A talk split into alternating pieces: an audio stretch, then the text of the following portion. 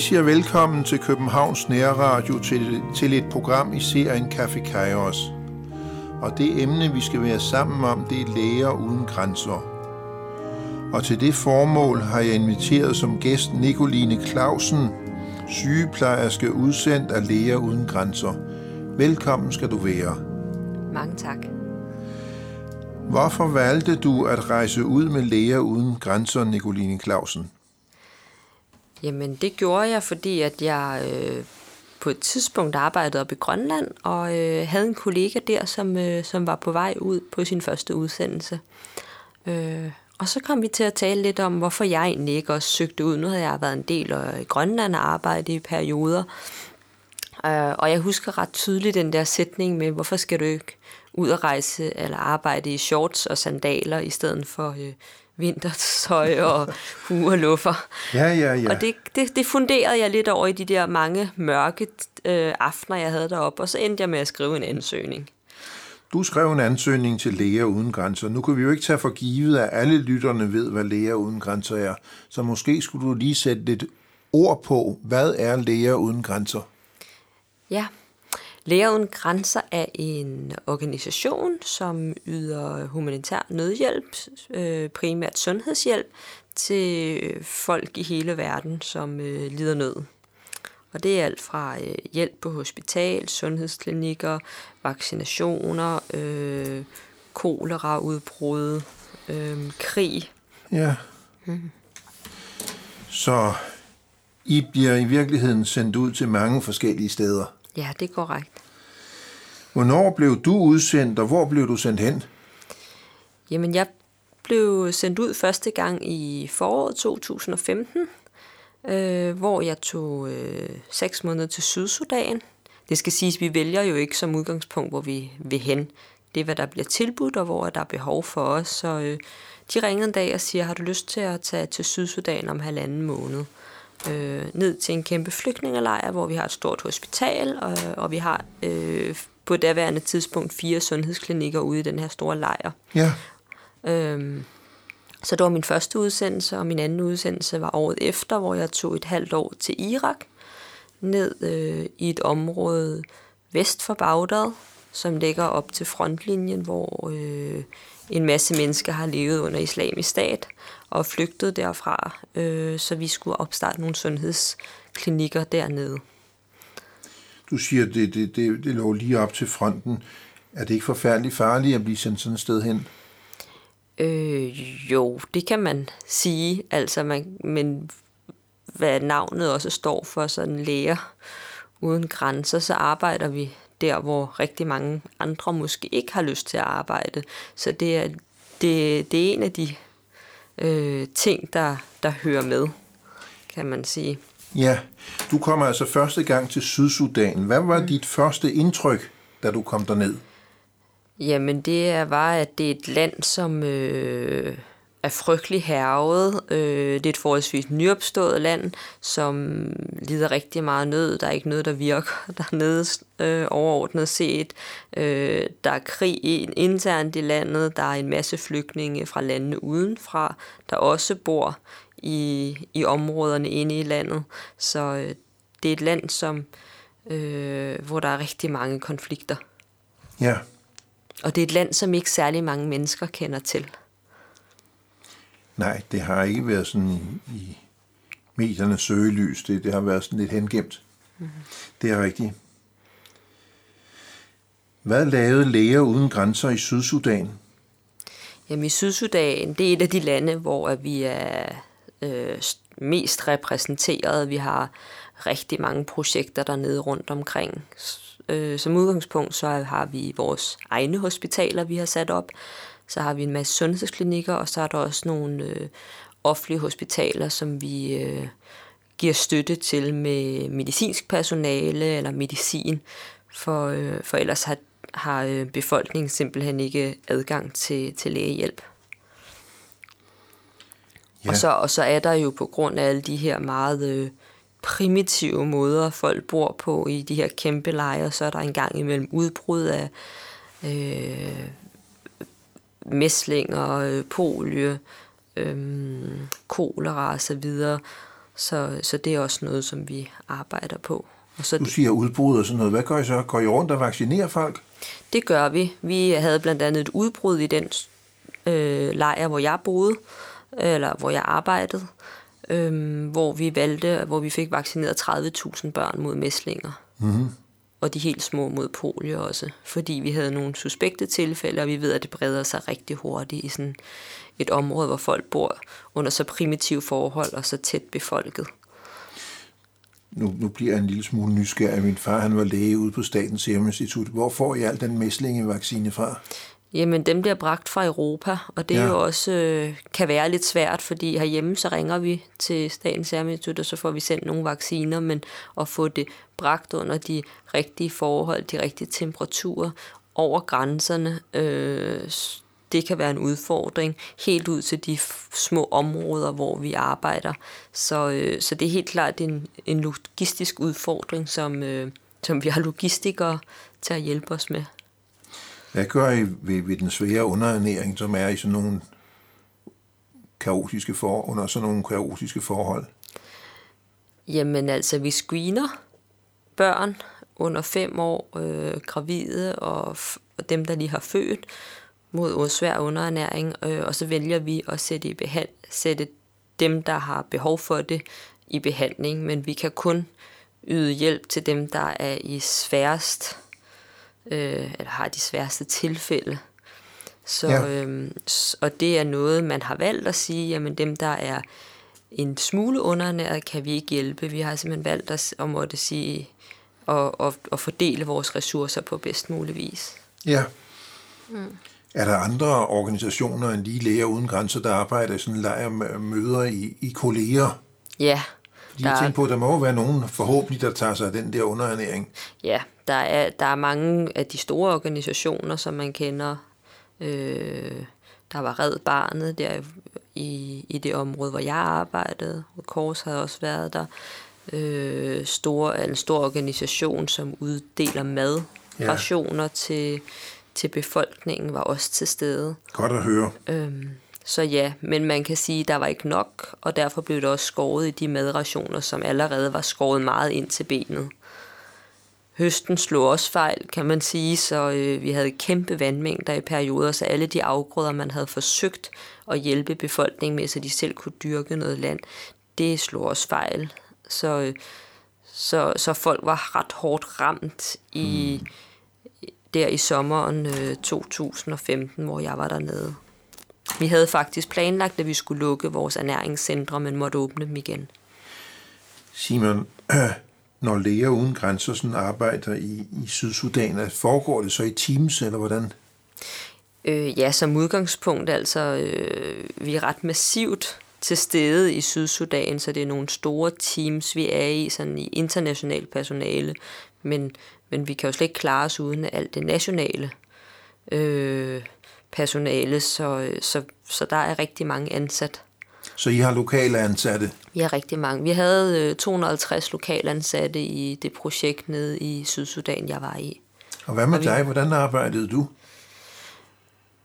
Hvad mener du i forhold til... Øh, Om du arbejdede i Teams eller alene, eller hvad du gjorde? Ja, jeg, øh, jeg havde tre sundhedsklinikker, jeg skulle jeg skulle give support til og hjælpe. Det var nogle sundhedsklinikker, der havde kørt i forholdsvis lang tid, tre år tror jeg, så teamsene var ret selvkørende, men det var at sikre sig, at der var en vis kvalitet i det, som den sundhedshjælp vi ydede, sikre sig, at der var forsyninger nok med medicin og det her nødepas, der vi giver børnene, øhm, og, øh, og så give noget undervisning i forhold til, at de kunne blive bedre til at varetage deres ja. arbejde.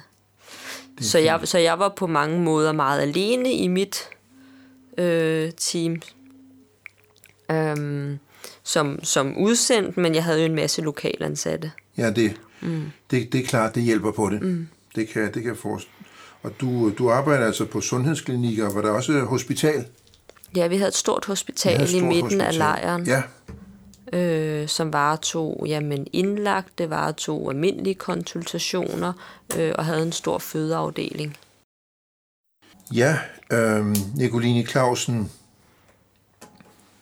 hvad gjorde mest indtryk på dig, da du var i Sydsudan? hvis du kunne fortælle sådan en oplevelse.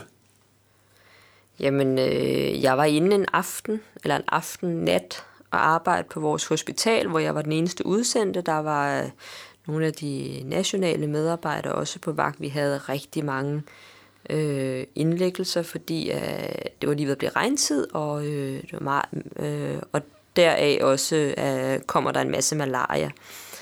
Øh, og vi havde en lille pige indlagt, som havde det rigtig, rigtig skidt. Øh, og det endte faktisk med, at hun gik i hjertestop. Uh-huh. Og man stod der og skulle yde øh, hjertemassage og skulle prøve at genopleve den her lille pige. Og jeg tror, jeg var revet så meget mere af situationen. Jeg havde til med været på arbejde hele dagen i min egen sundhedsklinik, og så var gået, jeg havde lige været hjemme og fået noget at spise, og lige hvile en times tid, og så afsted til det her.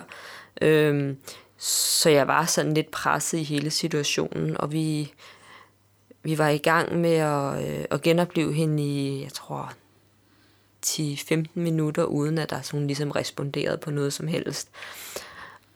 Og lige pludselig, så er der en, der hiver mig sådan i ærmet, og jeg, og jeg sådan registrerer lidt, men bliver lidt irriteret, for det er der faktisk ikke tid til lige nu, indtil opdager, at der er en, der stadigvæk bliver ved med at hive ærmet, og det er en af de lokale sygeplejersker, eller sygeplejeassistenter, som, som på en måde gerne vil fortælle mig, at han, han siger til mig sådan, Nicoline, jeg tror, jeg tror, vi skal stoppe nu. Og jeg tror lige der, der går det op for mig, at jeg måske har en ret. Men, og så stopper vi, og øh, fordi han kan se, at, eller jeg kan også se i bagspejlet, at familien faktisk gerne havde allerede opgivet det her. De vil bare gerne have deres barn med hjem, og for dem er det rigtig vigtigt, at man, inden man bliver helt kold, kommer hjem i det område, hvor man bor, så familie og, øh, og de lokale omkring kan sige ordentligt farvel. Så for dem handlede det virkelig om, at de fik drop og slanger ud af den her lille pige, og fik bragt hende hjem inden. Og jeg kan huske, det var sådan en meget tom fornemmelse at stå med bagefter.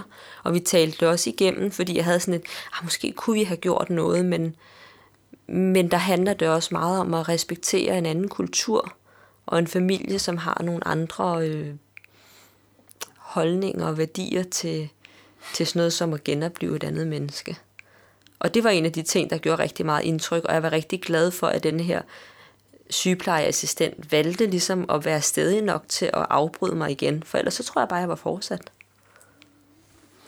Når du sådan er udstationeret, du var altså i Sydsudan, opleve, oplevede du, at Læger Uden Grænser virkelig gjorde gavn? Ja, det synes jeg. Det synes jeg bestemt, vi gjorde, øh, eller gør, for vi er jo stadigvæk øh, meget til stede i landet. Øhm,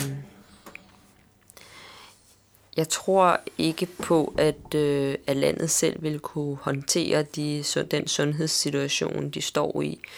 Eller, ja. Så, øh, så uden hjælp fra nødhjælpsorganisationer, så vil det hele kollapse, og folk vil dø på stribe. Nu er det jo nok en, en helt anden situation, og det, det, det må vi også bede lytterne om at forestille sig, at Sydsudan det er noget helt, helt andet end mm. København. Var det noget af et kulturschok for dig at komme til Sydsudan? Ja, det var det. Øh, jeg har rejst en del i Afrika og, øh, og i hele verden, og, og har set rigtig mange ting. Men at komme ned og bo i en flygtningelejr, hvor folk øh, altså mildest talt intet har, øh, det gjorde rigtig meget indtryk. Se, hvordan folk er, har været på flugt i en lang periode fra der, hvor de kommer fra, og så har måttet øh, bosætte sig i en lejr på ubestemt tid under så primitiv kår. Det gjorde rigtig stort indtryk. Nu kan det jo være lidt svært at, at forestille sig, når man bor i København, men hvor stor var sådan en flygtningelejr? Jamen, øh, tallene, da, da jeg var der på det tidspunkt, hed omkring 56.000 registrerede øh, flygtninge og fordrevne i det område, hvor vi arbejdede. Men der lå også en stor flygtningelejr lige ved siden af, hvor folk de sådan flyttede lidt frem og tilbage. Ja. Øh, alt afhængig af, hvor der var mest mudder, hvor der var øh, bedst mulighed for at få arbejde. Så, øh, så omkring de der 56 til 60.000 per lejr Per lejr. Ja, per lejr. Ja, det, det er mange mennesker, det er det altså. Det, er også, det må være et, et, et, et utroligt stort problem at holde rede på dem og få forsynet med mad og alt muligt. Absolut.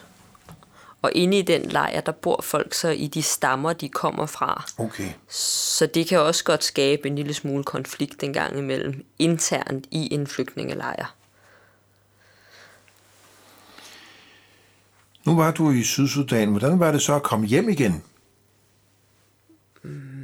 Det var en lidt tom fornemmelse. Det var en, det var rart. Øh, jeg var utrolig træt. Når vi er udsendt, så arbejder vi ofte ret meget, sådan omkring de 60 timer om ugen, og når man har gjort det et halvt år, så er man rigtig træt, når man kommer hjem. Mm. Man har også været omgivet af folk hele tiden, og så lige pludselig skulle være helt alene. Det er, det er også en underlig fornemmelse. Man, man, man mærker faktisk først sig selv rigtigt, når man kommer hjem. Og så havde vi øh, levet under primitive forhold. Ikke lige så primitive som, som øh, flygtninge, men havde fået ris og bønner og en lille smule kylling hver eneste dag i et halvt år. Øh, jeg har stadigvæk sådan lidt ambivalent forhold til kylling. Jeg kan forestille mig det, jeg kan forestille mig det. Øh, det vil sige, du var på hele tiden, mens du var dernede. Ja. Men kunne du så genoplade, da du kom hjem? Øh, ja, det, det kunne jeg, men det tog noget tid. Øhm, og den første, de første tre uger lavede jeg absolut ingenting. Altså, øh, jeg så lidt familie og venner, og jeg sov rigtig meget, og nød at kunne gå rundt ude på gaden, øh, uden at man skulle være bange for at øh, groft sagt blive skudt. Det er måske så meget sagt, men det er der nogle steder i Sydsudan, det er rigtig farligt at gå ud, øh, hvor der er rigtig restriktive forhold i forhold til at være udsendt. Så, så den der frihed nød jeg rigtig meget, da jeg kom hjem. Ja. Jeg tror, vi tager det næste stykke musik, og det mm. bliver stadigvæk Lise Petersen fra Påskemorgen, Slukker Sorgen, og vi skal lytte til det andet stykke musik fra denne CD, jeg tror, vi tager mørke skjuler jorderi.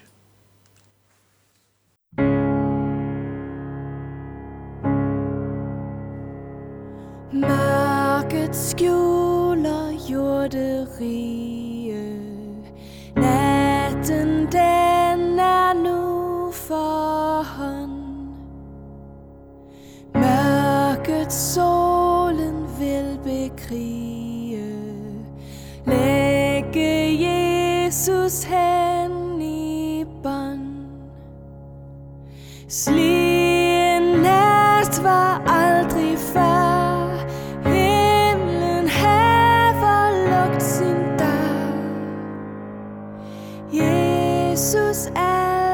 sol og ære. Skal nu nattens skændsel bære.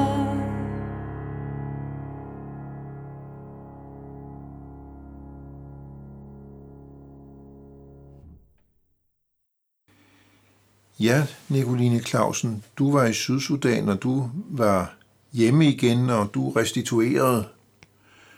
Hvorfor valgte du at rejse ud igen? Jamen, jeg blev sådan groft sagt lidt nysgerrig på, hvad der ellers var af muligheder for at arbejde. Nu havde jeg været nede i et meget fattigt område i Afrika, øh, og jeg fik lidt smag for det her at lave humanitær nødhjælp, så, øh, så jeg tænkte, at jeg, øh, jeg vil gerne ud igen. Så, øh, så fem måneder efter, der, øh, der valgte jeg at sige, at jeg var klar. Og hvorfor blev det så netop Irak, du kom ud til? Jamen igen, det var lidt et tilfælde. Det var, hvad der var af projekter, som matchede, hvad jeg havde af øh, kompetencer med mig.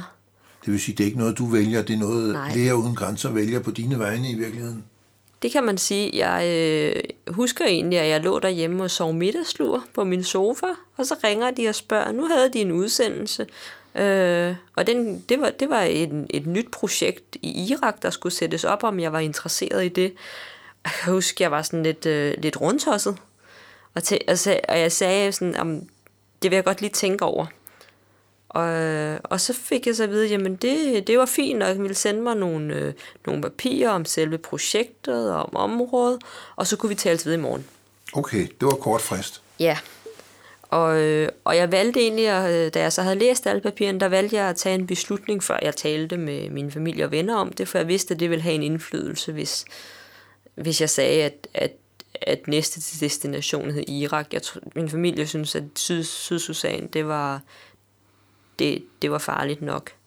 Så, øh, så jeg tog en beslutning, inden jeg ringede og sagde det til dem. Øh, og det var egentlig ret bevidst. Okay. Jamen, hvordan var det så at komme til Irak? Jamen, det var øh, meget anderledes øh, at komme til et øh, land i Mellemøsten.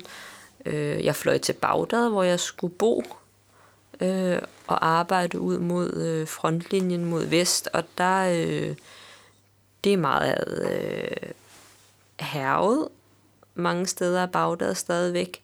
Øh, det område, hvor vi arbejdede de få timer, vi kunne være ude om dagen, hvor det var øh, forsvarligt, der øh, var, det, præ- var det meget præg af at være et meget ødelagt område. Det var meget præg af en masse fordrevne fra, øh, fra et andet område havde slået lejr, øh, og de var øh, meget præg af at være, at være påvirket af at være undertrykt af islamisk stat. Ja. Og øh, vi har jo hørt meget om Irak og krisen dernede og krigslignende forhold konstant nærmest. Hvad var din opgave i Irak? Jamen, det var, at vi skulle starte en mobil sundhedsklinik op, og også en, en, en stationær sundhedsklinik op, hvis det var muligt, øh, ud mod det område, der hedder Fallujah. Ja, Øhm, ideen med mobilklinikken var, at vi kunne, at vi ikke vidste, hvor mange, hvor folk de boede i de områder lige på den anden side af frontlinjen. Øh, men samtidig også i, med tanken af, at man kan flytte sig meget hurtigt. Så, øh, så, så det var egentlig det, vi gjorde med vores mobilklinik, og hvis der så var øh, behov for det, og det var sikkert nok, så skulle vi sætte en lille sundhedsklinik op. ja. Så det var sådan set min opgave, og vi var et meget lille team. Vi var tre mm. udsendte, som skulle starte alt det her op. Så vi var to sundhedsfaglige og en logistiker, som skulle gøre alt det her. Så, øh, så det var virkelig en, øh, en udsendelse, hvor jeg havde mange kasketter på.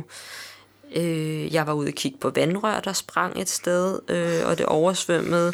Øh, jeg kom meget stolt hjem til basen og siger, nu har jeg fundet ud af, øh, hvor vandrøret er sprunget. Jeg har også fundet en mand, som, øh, som ved noget om, hvor det sådan er sat på resten af, af det store vandsystem. Indtil logistikeren siger, hvad er det for en vandrør, Nicoline? Siger, det er da et vandrør. Jamen, han skulle vide, hvad det var for en vandrør. Og sådan, altså, ja. Igen noget, jeg ikke rigtig ved så meget om, men øh, noget, jeg blev nødt til at forholde mig til. Øh, starte alle protokoller op helt fra bunden i Sydsudan, var det jo startet op for mig. Så, øh, så ja, der var en del udfordringer at få ansat en masse øh, nationale medarbejdere, som kunne hjælpe til. Undskyld, når man står ude i sådan nogle kaotiske forhold, hvordan får de så løn? De kan vel ikke bare gå hen i banken? Jamen, de bliver lønnet af os, øh, af organisationen. Øhm, de får løn hver måned. Lidt forskelligt. Nogle er på kontrakt, og nogle er timelønnet. Okay. Ja. Jeg skal sige, at i Irak, der havde vi ret, var det muligt at få ret velkvalificeret personale, øhm, sammenlignet med, med Sydsudan. Så, øh, så det var enormt let at arbejde med dem, på grund af deres noget højere faglige niveau. Øhm, men så skal man have implementeret nogle af de her, øh, hvad hedder det, standarder, som vi har i Læger Uden Grænser, fordi vi vil gerne have, at der er en vis kvalitet i det, vi laver, så vi ikke bare langer medicin ud til må og få og, og, og, og lidt tilfældigt her og der. Så, øh, så det krævede lidt at få, at få dem overbevist om, hvordan man vi, vi vores øh, holdning er til, til lægehjælp. Hvordan havde befolkningen det i det område, hvor du arbejdede? De var svært undertrykt. Øh, de var meget traumatiserede, mange af patienterne. Mm. Øh, vi så også, at der, øh, at der var tegn på, at, at nogle af børnene var moderat underernæret, fordi at de i perioder overhovedet ikke kan kunne få mad. Og fornødenheder ind i det område, hvor de har boet, og de, og de fleste af dem var faktisk flygtet over Tigrisfloden midt om natten, og de fortalte også, at nogle af deres familiemedlemmer stadigvæk var holdt til fange, og nogen var druknet under flugten. Så, så det var nogle lidt andre problemstillinger, end vi, end vi arbejdede med i Sydsudan. Hvad var det egentlig for, for sygdomme, I helbredte? I havde sundhedsklinik, og I, langede medicin ud, men hvad, var det for problemer, folk stod med?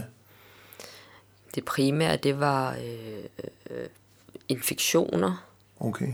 Øhm, lungebetændelser og en masse hudinfektioner også, på grund af, at de jo ikke har haft adgang til vandet og, og ordentlig hygiejne. De kom ikke i bad eller noget? Nej. Nej. Øhm, de var meget psykisk traumatiseret. Mm. Øh, jeg husker, at, at der var mange af patienterne, der kom, og vi kunne ikke rigtig finde ud af helt, hvad det handlede om, og det handlede jo i bund og grund om, at de havde set en masse ting, som, øh, som man som menneske ikke skal se. Være troet på livet, øh, måtte flygte fra, øh, fra det, der førhen var trygt. Børn, der er vokset op med, at der bliver skudt omkring dem, som sidder i venterum, arealerne, og leger og griner, mens der bliver skudt omkring dem. Det var noget, jeg selv lagde mærke til en gang. Vi var øh, meget tæt på, at jorden rystede, og der blev skudt øh, nogle kilometer væk derfra.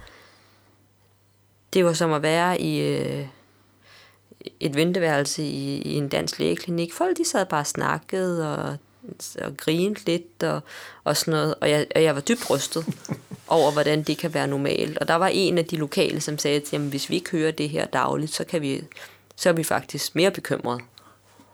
Var det meget urolige forhold? Var der far for jeres liv? Øh, det, er, det var et højrisikoområde at arbejde i. Vi kørte igennem en masse øh, farlige checkpoints hver eneste dag. Der var en masse øh, forholdsregler, vi skulle tage os. Øhm, ja. Havde du gode kolleger, og hvordan var samarbejdet med dem? Det var utrolig godt. Altså, vi var tre udsendte øh, i det her projekt, og øh, selvom man godt kunne tænke, åh, kunne det godt blive lidt udfordrende, at man er sammen. Man er jo sammen hele tiden, og vi går ikke nogen steder. Vi er enten ude der, hvor vi arbejder, eller så er vi hjemme der i det hus, hvor vi bor. Så gik det faktisk utrolig godt. Øh, man bliver lidt som en familie på nogle måder. Øh, og så de lokale ansatte var i min optik utrolig let at arbejde sammen med. Mm-hmm. Øh, meget, meget overrasket over det. Man kunne godt mærke, de vi var heldige at kunne rekruttere folk, der havde, øh, der havde god uddannelse, og de ville det rigtig gerne. Øh, til med, det var svært at få job i, øh, i Irak øh, nogle steder, øh, så, så folk ville det rigtig gerne. Nu har vi øh, talt om Irak. Vi skal næsten runde det af. Hvordan var din samlede oplevelse af Irak? Jamen, det et land, hvor øh, der stadigvæk er rigtig meget krig. Og blandt andet også med til at forberede til det store opgør i Mosul. Øhm, og jeg vil sige, at sådan det, man, det jeg nu kan se, i, se på, hvad foregår øhm, dernede lige nu, og befrielsen, når man så tænker, at jeg har selv været rigtig, rigtig tæt på, jeg har været med til at forberede nogle af de her øhm, ting, som, som, kan, som hjælper til at være akut sundhedshjælp, så, øhm, så gør det ret stort indtryk. Og det tror jeg ikke, hvis man som dansker sidder hjemme aldrig har oplevet, det vil have det samme øh, refleksion omkring, som, som hvis man har været der. Og jeg har, øh, jeg godt mærke på mig selv, at når der, øh, når der kommer nyheder dernede fra, så tænker jeg også på de lokalansatte, som, øh, som jeg har arbejdet sammen med, der stadigvæk bor dernede.